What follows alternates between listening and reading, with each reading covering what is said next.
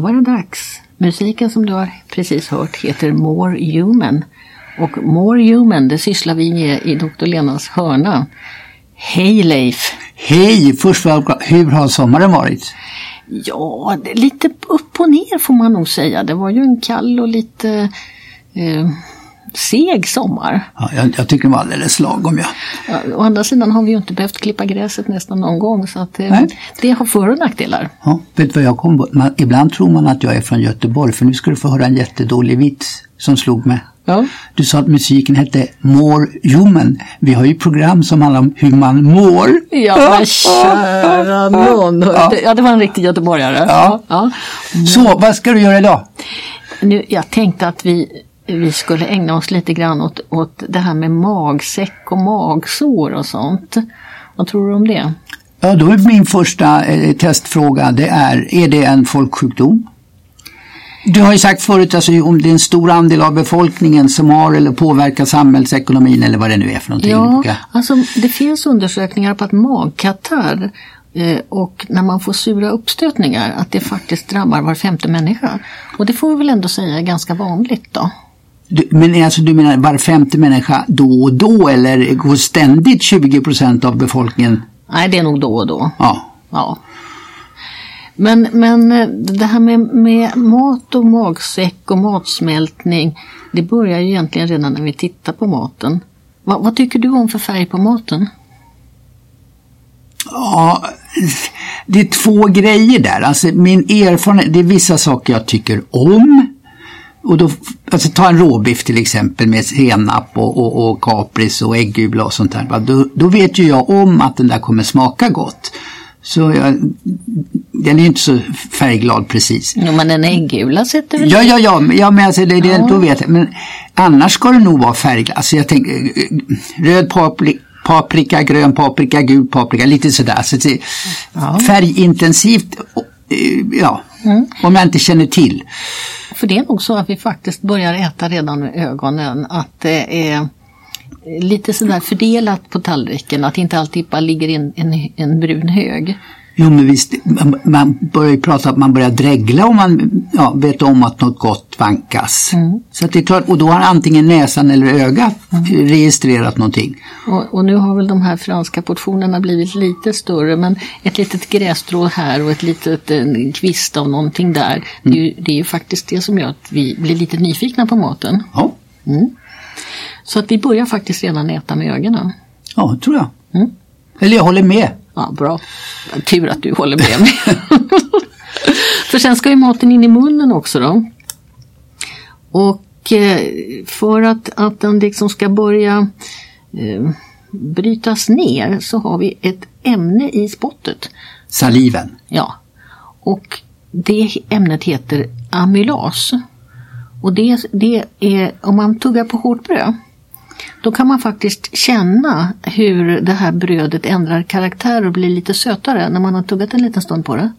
Ja. Och det är det här ämnet som finns i spotten som börjar att bryta ner. Amylas det bildas egentligen längre ner i magen också men vi har, vi har faktiskt redan i munhålan så börjar processen med att eh, förändra eh, maten till sånt som så småningom då ska sugas upp i blodet. Mm. Mm. Och då undrar man ju, de här stackarna som inte har så mycket saliv i munnen. Vadå? Jo men det finns sådana. Om man har haft besvär med sina tänder eller om man har av någon anledning fått någon strålning i, i munhåla eller ansikte. Aha! Ja, ja, för, ja. ja. Och då, då har jag lärde jag mig ett knep på den tiden jag jobbade med cancerpatienter och det är att det faktiskt går att öka salivproduktionen med akupunktur. Ja. Det det är något att fråga sin sjukgymnast om kanske, om man är väldigt torr i munnen. Ja, du ser en, så, en sån eh, medicinsk, man kan inte säga ideologi, men ett eh, medicinskt synsätt som var så bespottat när det kom. Ja. Det är ju löjligt när man sticker en nål där och där och, och så kunde du göra underverk. Nu var det vits igen, det där med bespotta. Det tänkte jag inte på själv. Undrar det ja. ja. Ja, men sen ska man då svälja maten och det är ganska komplicerat egentligen. Det krävs en väldig massa olika nervimpulser för att kunna svälja, mer än man tror. Och det kan man använda som test när man vill se om en person är vaken eller inte. Eh, sover man vanlig naturlig sömn då kan man svälja för man sväljer sin saliv automatiskt. Men är man sövd vid en operation då är det här att kunna svälja en, en bra test på att någon håller på att vaknar. Och eh, eh, det är personer som har fått någon form av skada i hjärnan, en stroke eller något sånt. Där får man vara lite försiktig för att eh, eh, man måste veta att någon kan svälja innan man börjar att mata någon. Ja, men där har man väl erfarenhet. Hoppas att inte jag blev vara orolig. Ja, det har man. Och sen finns det faktiskt speciella undersökningar. Det finns logopeder, sådana här tal taltanter eller vad vi kallar dem för. Ja, där man ska få talet tillbaka och öva Ja. så att det blir riktigt. Men de är också proffs på det här med hur man sväljer och då kan man filma hur, hur sväljningsrörelsen går till. Och så kan man se vilken typ av konsistens som är lättast att svälja och ofta är det lite fastare. Alltså man ska inte börja med att svälja eh, tunt vatten utan man ska börja med att svälja lite eh, tjock kräm kanske. Och då använder vi ofta förtjockningsmedel i sjukvården eh, för att underlätta för människor att svälja. Men alltså, det kan inte gå snett när ni håller på att testa. Kan du svälja eller kan du inte svälja? Så puttar in massa kräm i munnen och så kan jag inte svälja. Va? Ja, Kan, det, jo, det är klart att det kan gå snett. Men, men vi har en, en säkerhetsmekanism bak, längst bak i svalget och det är struplocket. Och struplocket det är, stänger i, i, i samband med andningen. Så att andas man på ett vanligt sätt då stängs struplocket när den här, eh, vad det nu är, krämen kommer i närheten av det. ja. Men du Lena, människokroppen är en, en ja, förunderlig varelse. Vad mycket mekanismer som ska funka ihop och för att ja, känna efter här och känna efter där och reagera någon utan att man behöver tänka själv. Ja, och det här med att stänga struplocket, det är något vi, vi har med oss när vi föds. Och det finns också en speciell reflex. Om man får vatten i ansiktet så ska en liten nyfödd bebis automatiskt stänga struplocket. Visst är det fantastiskt? Men kan, man se, kan ni se det? Eller Ja, det kan man testa. det kan man testa. Ja. Och om Det- de inte gör det då? Det är ju det som är grunden för det här med bebissim. Aha, Annars så skulle man inte kunna ha bebissim om inte bebisarna automatiskt stängde struplocket. men om man inte kan, vad gör ni då? då? Ja, då får man väl låta bli att gå på bebissim då. Ja, mm. Jaha, sen åker den där mat... Munsbiten, ska vi kalla det så? Munsbiten den åker ju ner sen då i, i matstrupen och den är, ja, vad ska vi säga, någon slags gummislang, lite ganska, ganska kraftig. Det är, det är muskler i den, så den men samtidigt är den väldigt eh, slank. Så att eh, en, en, eh, cyk, en lite grövre cykelslang skulle man väl kunna säga. Och där kan man råka ut för problem. Om man har skador på matstrupen så kan det bli ärrbildningar och då kan det bli trångt. Eller tvärtom, att man har en skada som har gjort att man har fått liksom en liten ficka. Och då kan det samla sig mat. Ja, men alltså vad är, vad säger, vad, var börjar matstrupen någonstans? Och sen hur långt ner går den? Vad blir det nu- något annat namn på det? Ja, det börjar då i närheten av struplocket. Struplocket täpper ju till luftstrupen. Ja, det är här uppe i halsen pratar vi om. ja, bakre, bakre svalget. Vi har ett, det finns ett latinskt namn för det där också, det kallas för hypofarynx. Men det behöver man ju inte. Det är ungefär så långt bak som man kan killa sig själv utan att man känner att man ska spy. Aha, Mm, där någonstans börjar matstrupen. och hur långt ner? Ja, sen går den ner eh, till det här vet som man har mellan bröstkorgsbenen. Och precis innanför där så sitter den övre magmunnen. Och det är en slags ventil skulle man kunna säga, för maten kan gå neråt men den ska inte kunna gå bakåt, uppåt igen. Där mitt sexpack eh, Ja, precis. börjar. Precis där du har Ja. Vad sa du, sexpack? Ja, Ja, de här ja, ja, ja, ja rutorna ja. rutorna Ja, som ja. alla grabbar har. Tur att det inte är tv det här. Ja, men så långt var strup, ja, ja. strupen. Ja, där nere. Eh, och eh, den här övre magmunnen då, det, det är ju, där passerar ju då den här gummislangen ner genom mellangärdet. Mellangärdet är ju den här stora muskeln som vi andas med som ligger på tvären. Och när man blir äldre så blir den muskeln lite slappare och då kan det här hålet bli lite för stort. Och då sluter inte den övre magmunnen riktigt tätt utan då kan man alltså få ett backflöde. Och det är det man, som händer när man får sura uppstötningar. Då, då blir det riktigt eh, stort så att en liten bit av magsäcken faktiskt hamnar uppe i brösthålan. Då talar man om ett brock. Men man kan alltså ha backflöde, reflux, eh, även utan att ha ett, ett fullt eh, utvecklat brock i övre magmunnen. Men när övergår eh, så här, sura uppstötningar till att bli ett fenomen som bör behandlas? Om jag, om jag ät, äter, säger man inte äter, det är någonting annat. Äter fel kanske jag kan få sura uppstötningar eller ja, jag vet inte. Men när övergår det från att vara en tillfällighet till att nu måste jag gå till farbror doktorn? Ja, det är när det, när det uppstår liksom hela tiden om man till exempel lägger sig ner när man har ätit och så känner man att åh nu rinner det baklänges. Eller om man så fort man böjer sig framåt inkom, efter maten så åker det också igenom där. Eh, Så att när det, när det blir ett problem som liksom finns i stort sett varje, efter varje gång man har fyllt magsäcken. Då ska man ju mm, söka för det. Ja, du menar lite så här, o- o- om jag känner det där, jag har ätit och sen ska jag knyta skorna. Ja, då kommer en sur uppstötning och det gör det varje gång jag knyter skorna. Ja, då, då är det dags. Man ser ofta sådana här eh, brock på övre magmunnen i, vid vanliga lungröntgenundersökningar. Och det är inte, man kan ha det utan att ha så mycket besvär. Men eh, det är eh, om man inte gör något åt det eh, så får man ju frätskador faktiskt i matstrupen. Därför att det, det är saltsyran i magen, den är jättestark. Eh, Vi, vi talar alltså om pH på 2 ungefär och det är väldigt surt. Det känner man ju också när man får en sån där sur uppstötning. Ja. Eh, jag läste till ingenjör när jag var eh, ungdom. Gick på tekniskt gymnasium och läste kemi, eller kemilinjen. Och då ska man veta att alltså, om vi säger vatten är pH 7. Mm. Så går vi till pH 6, alltså ner mot noll så blir det ju surare och surare. Det är alltså 10 gånger surare än 7 och 5 är 100 gånger surare och 4 och så vidare. Alltså det, det är en 10 potens för varje steg vi tar så det är inte en enhet utan det är tiofaldiga enheter. Så 2 är, får man svära i det, skäta surt. Ja, jag, jag hade en gång, eh, det, var, det var inte saltsyra utan det var svavelsyra men jag fick lite på fingrarna och så torkade jag snabbt av dem på min labbrock.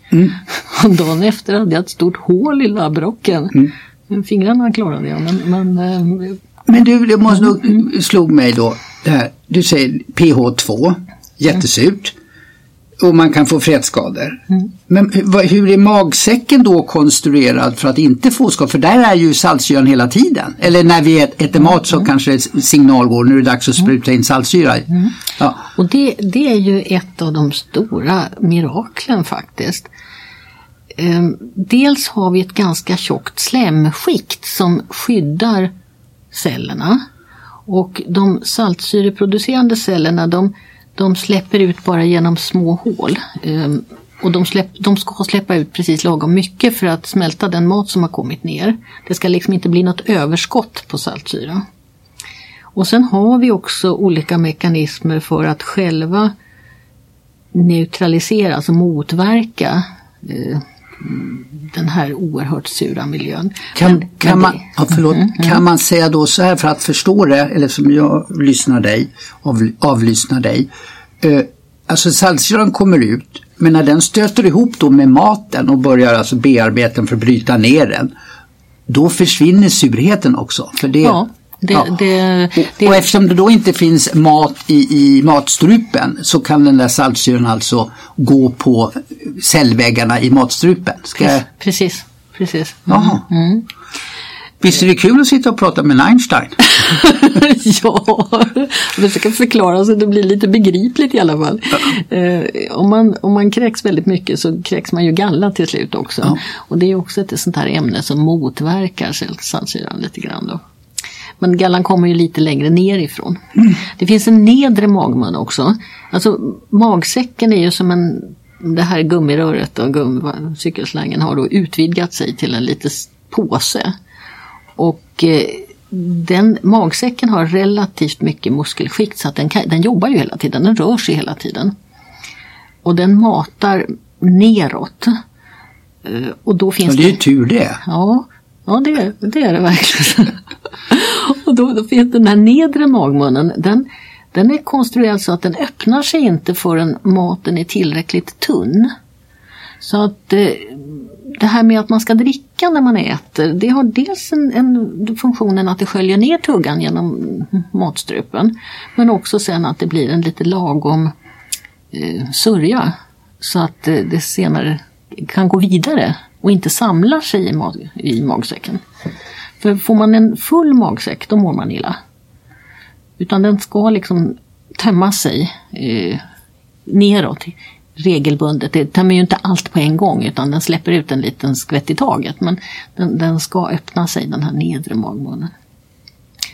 Och nedre magmunnen det är ett område där man förut fick liksom sår. Eh, och då kommer vi in på det här jättespännande med magsår. Du vet, jag, jag gick i min utbildning för jätte, jätte, jätte, jättelänge sedan. Och då hette det att man fick magsår av att maten var för starkt kryddad. Och så var man jättefundersam varför fick man magsår på Island men inte på Japan. Det kunde man inte förstå. För japanerna åt så mycket råfisk och det gjorde islänningar också. Då trodde man att det hade att göra med att islänningar hade mer rökt mat. Så man, man var väldigt inne på det här med att det var maten som gjorde plus dryckesvanor plus stress som gjorde att man fick magsår. Men sen så hände ju då ett sånt här revolutionerande paradigmskifte när man bytte åsikt. Och jag minns det fortfarande för jag hade jättesvårt att ta in att man kunde tänka på något annat sätt än vad jag hade blivit fullproppad med.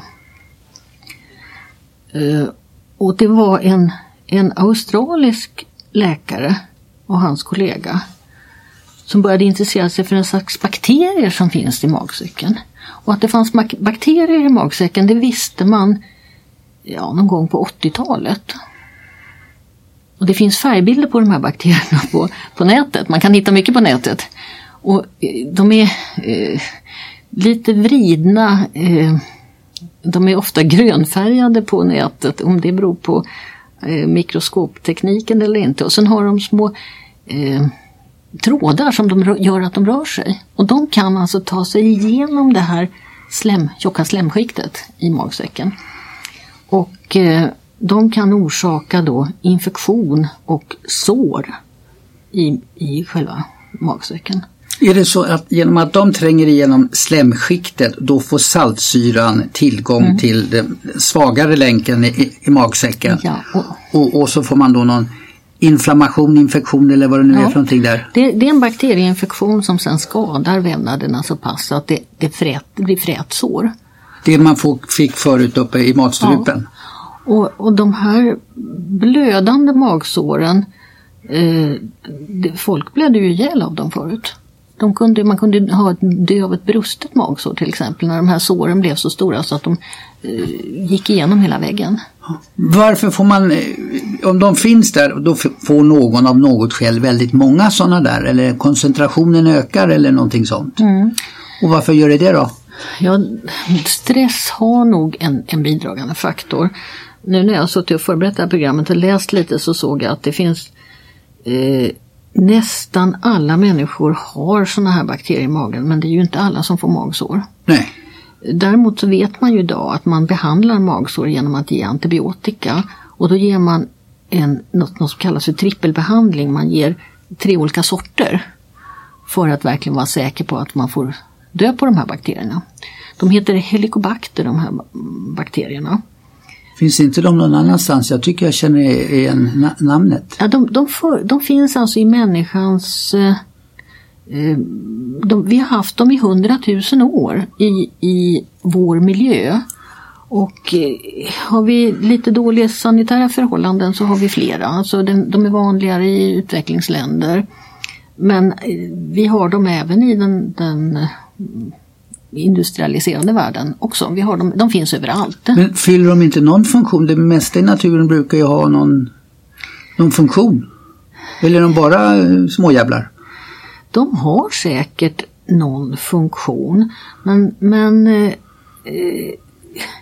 de, de, de har en förmåga att, de, de dör ju inte själva av saltsyran. Och de har alltså en förmåga att bilda ämnen som motverkar saltsyran. Och det är kanske därför de finns, kanske. Aha. Och det, när man kontrollerar om man har eh, behandlingen med antibiotika har varit effektivt, då kan man göra det med ett utandningsprov.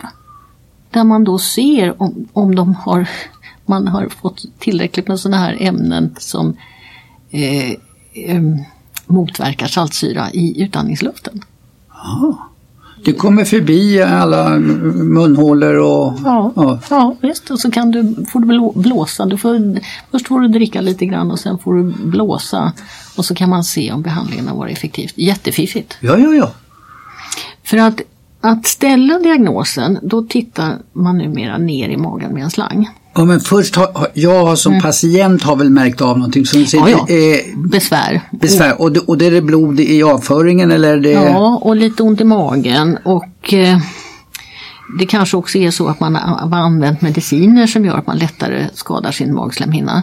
Det vill säga såna här huvudvärkstabletter eller mediciner för reumatism, alltså ledbesvär. De är starka för magen och kortison är starkt för magen. Um, så att eh, har man sådana här, det som vi kallar för riskfaktorer och sen så eh, börjar man få ont i magen, då ska man söka och då får man genomgå det som kallas en gastroskopi, det vill säga man tittar ner i magen och så får den, om man vill och törs, så får man se det på en tv-skärm själv också. Men för när du säger ont i magen, mm. eh, det var ju den klassiska ursäkten för man var frånvarande i skolan, mm. man sa mm. ont i magen, mm. på då. Så. Mm. Men alltså är det värk eller ibland säger jag så att man äter för mycket. Mm. Man, man, blir däst och sådär. Mm. Men det är en annan känsla. Ja, det är en annan känsla. Vad skulle, hur skulle du kunna beskriva den här då? Lite brännande, eh, lite mer intensivt och barn kan alltså mycket väl ha eh, det som vi också kallar för magkatarr, mm. gastrit, alltså har, det känns obehagligt i magen. Eh, barn har inte riktigt samma utvecklade eh, snälla bakterier för att ta hand om olika saker och barn får, får ibland ont i magen. Och även stress är här då en viktig faktor. Men det är rejält magont i alla fall? Ja, det är det. Ja, då, då är det dags. Mm, mm, mm. Innan man hade eh, kommit på det här att det var en bakterie, då opererade man ju magsår. Och det var en, en av de första operationerna man gav sig in på. Och det var en österrikisk kirurg som heter Billroth och då fick man, kunde man ha bildrots eh, nummer ett eller bildrots nummer två. Och det finns fortfarande människor som lever som har genomgått en bildrot 2 eller en B2. Och eh, om man opererades med någon av de här teknikerna då, ska, då stängde man liksom av en del av magsäcken och då fick man sen brist, eh, vitaminbrister. Eh, därför att magsäcken är viktig för framförallt att vi ska kunna få i oss tillräckligt med B12 jag har varit med och gjort sådana här bildrot 2 framförallt. Det var den, den mera. Och sen så efter bildrotoperationerna så gjorde man, försökte man att göra, man skar av den stora nerven som reglerade saltsyreproduktionen i magen. Och idag så genomförs ju inga sådana här operationer. De är helt borta. Det är ganska fantastiskt. Ja, vi, och, och nu är det mer en Mm. mm. medicinsk behandling, alltså medicinsk, det är alla behandling, men i alla fall en tablett, om jag säger så, Mm. Ja, det- behandling. Det är antibiotikabehandling och så kollar man att eh, bakterierna har dött ordentligt. Ja. Men till dåtidens läkares försvar måste vi ju ändå säga att man visste ju inget annat. Nej, det gjorde man inte. Och det, det var ju alltså den här killen som upptäckte det här, han australiensaren, han heter Barry Marshall. Eh, Han hade ju stora svårigheter att övertyga sin, sin omvärld. Vet du vad han gjorde? Nej. Till slut så infekterade han sig själv. Han drack alltså bakteriesoppa. Och så fick han magsår. Och sen åt han antibiotika och blev frisk. Han, han testade alltså, för att bevisa för sina kollegor så testade han på sig själv. Men hur kom han på idén då? Ja, ja. Han fick Nobelpris för det sen. Det var en sån idé var det. En snilleblixt. Ja. Ja, Ja, men det, det, man kan säga det var någon som tänkte utanför boxen. ja, oh ja. Ja. Det, det, men jag måste säga att det här att, att testa en så pass farlig sak på sig själv ändå, det är, ja, det vet i sjutton om man skulle vågat. Men, men då kan man alltså säga så här att det är en antibiotikabehandling och som man då kanske, eh, ja man ska ju vara lite restriktiv med antibiotika. Eh, men vad skulle du säga om jag nu upptäcker magsår, eller jag tror det, och sen får jag den diagnosen. Vad är prognosen då? Ja, den är ju bra. De, nästan alla läker ut. Och då slipper man också förr när man hade mycket folk som fick magsår de fick magsår vartannat år eller något sånt där. Då fick de ju också magcancer till slut på grund av alla de här skadorna efter infektionerna. Och även andelen magka- magsäckscancer har ju minskat kraftigt sedan vi upptäckte det här med den här bakterien och att vi ska behandla med antibiotika. Finns det, eh, då undrar jag så här, ska jag tänka på vad jag äter? Eh, finns det viss mat som förvärrar situationen? Eh, eller finns det viss mat som är bra? Den som har magkatarr kanske har lite svårt för starkt kaffe. Man har också pratat om, om lök men det är nog snarare så att lök kan utlösa gallbesvär och gallbesvär i sin tur påverkar magsäcken. Idag tror jag inte man har så mycket men naturligtvis inte röka, inte kröka, ta det lugnt. Där är någonstans. Nu får du hjälpa mig på traven då. Jag vet inte om jag missuppfattar det där men någonstans, ungefär som du sa, stress. Det, för mig var det så här när folk har, jag tror jag har magsår, ja du stressar för mycket så.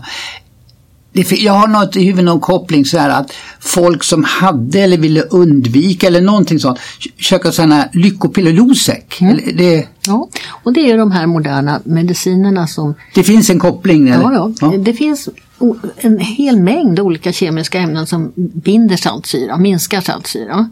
Det vanligaste, eh, eller numera, är de receptfria och de flesta eh, är också eh, inte, finns inte längre i läkemedelsrabatten. Det är sånt här som Novalucid till exempel. Det är ett magnesiumpreparat som binder saltsyra. Och sen så finns det eh, ett slags, både, finns både som tuggtabletter och, pull, och man dricker som lägger sig som ett lock så att inte saltsyran kan eh, rinna baklänges upp genom övre magmunnen. Eh, sen så kom det på 40-talet de första eh, H2-blockerarna, histaminblockerande ämnen. Och de är idag också receptfria och ingår inte heller längre i läkemedelsrabatten. Det finns något som heter ranitidin och något som heter Santac och då tar man en tablett på kvällen, 150 mg på kvällen.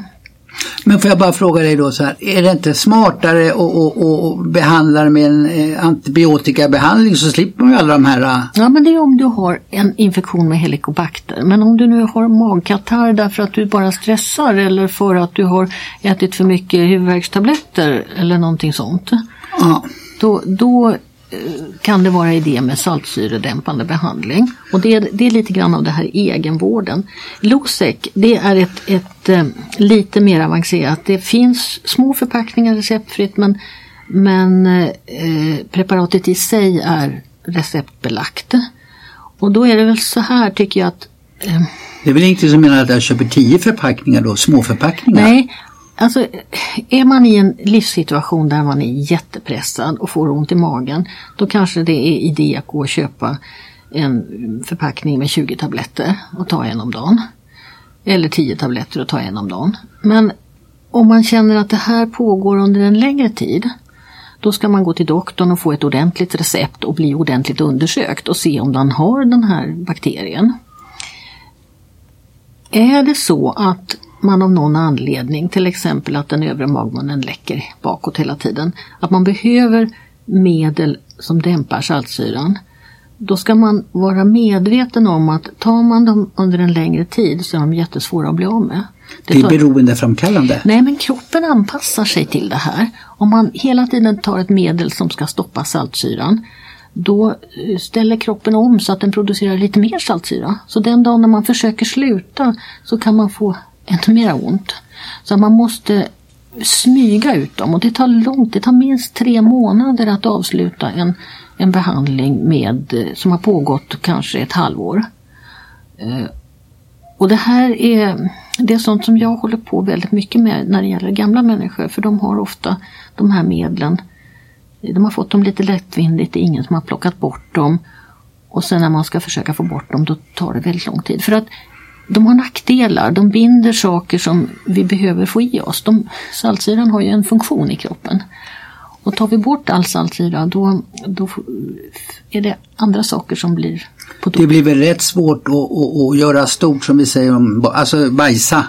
Om ja. inte saltsyran får bryta ner maten. Ja, och, eh, det, men framförallt får man i sig för lite kalk och man får i sig för eh, lite vissa vitaminer som är, måste ha saltsyran för att liksom kunna tas upp ur maten. Eh, det, det, finns också något man kan köpa på Konsum som heter Samarin som kan ge en sån där tillfällig eh, lättnad. Och det ska man akta sig som sjutton för. för då... Samarin finns väl på ICA också Ja, ja, ja. du sa på Konsum. Ja, ja det, finns, nej, men det finns på Willys, det finns ja. på överallt. Ja. Eh, men Samarin är, är egentligen bikarbonat bara. Det är alltså bakpulver fast lite, smakar lite godare. Och då kan man få rubbningar i sin saltbalans. Så att eh, ingen samarin gör inte det. Även om det så att säga för stunden kan kännas som en lättnad. Oj vad tiden går fort när vi gör hörnor. Och det är ju då när man har roligt. jo, om sådana allvarliga saker som magkatarrer. Ja men jag, jag bara, när du har svarat så här, prognosen är god, då, då känner jag mig nöjd. Ja, då. Om det bara är en tablettbehandling då. Jag lider med de människorna som nu drabbas men eh, det finns ju möjligheter att bli av med problemet också. Ja, visst. Du, ett sånt här program, innan vi slutar, vi måste nämna Heimlich. Har du hört talas om Heimlich? Heinrich Himmler tror jag. Eller, no, nej. nej, nej, inte Heimlich är hans efternamn. Han är amerikan. Um, han kom på hur man skulle göra när någon sätter i halsen. Ja, nu trillar en tioöring ner. Japp, ja, ja. Japp, japp. Berätta för mig nu hur man gör. Jag tror jag har sett tv-program och sån här äh, Fråga doktorn eller något liknande. Eh, om en människa börjar man uppfatta det som att det, någonting har fastnat på vägen ner. Sen ställer man sig bakom och, och kram, man ber personen hålla sådär då, där vet där sexpacken möts ungefär. Och, och, sen så ställer man sig själv och så trycker man till ordentligt. Någonting mm. sånt. Ja, för då kommer det en luftstöt från nerifrån lungorna och plopp så åker det här upp. Och det är ganska säkert att det blir så? Ja, nästan alltid. Annars men, man kan, kan man göra flera gånger med det? Tryck, ja, tryck, tryck. Ja. ja, ja, man kan göra många gånger. Det finns på nätet också hur man gör på ett litet barn. Därför att där är det ju kroppen mycket mindre.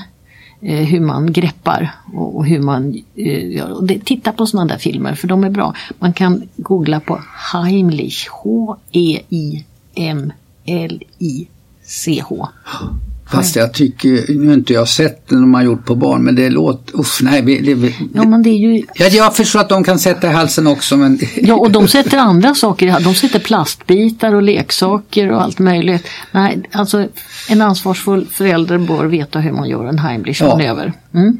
Och kanske också ha praktiserat den så man vet att man törs göra det den dagen det är på allvar. Ja. Ja, nej men det, sånt där är jättebra att titta på. Är, är barnskelett ömtåligare eller är de mer flex mjukare eller? De är ofta mjukare. Så man, det är mm. inte risk att man nej. skapar frakturer och sådär? Nej, det gör man inte. Det gör man inte. Eh, Vända upp och ner? Ja, det kan man göra på barn. Det är ju svårare på en vuxen, men på ett barn kan man ju vända upp och ner. Eh, ba, titta på de här filmerna, ja, det är svårt för mig att i ord förklara Ja. hur man gör. Ja, Det var Heimlich. det var Heimlich. Men du, då återkommer vi om tre veckor igen då. Ja. Ja. Vet du eh, vad vi ska få lära oss då? Jag är inte riktigt säker det visar på det. sig, det vi. visar sig, ja. Det, det, det blir en intressant höst tror jag. Ja, Hem och studera Heimlich. det gör vi. Tack ska du ha för idag. Tack själv. Och du har lyssnat på Dr. Lenas hörna på 91,4 MHz tillsammans med Lena Hjelmerus och Leif Bratt.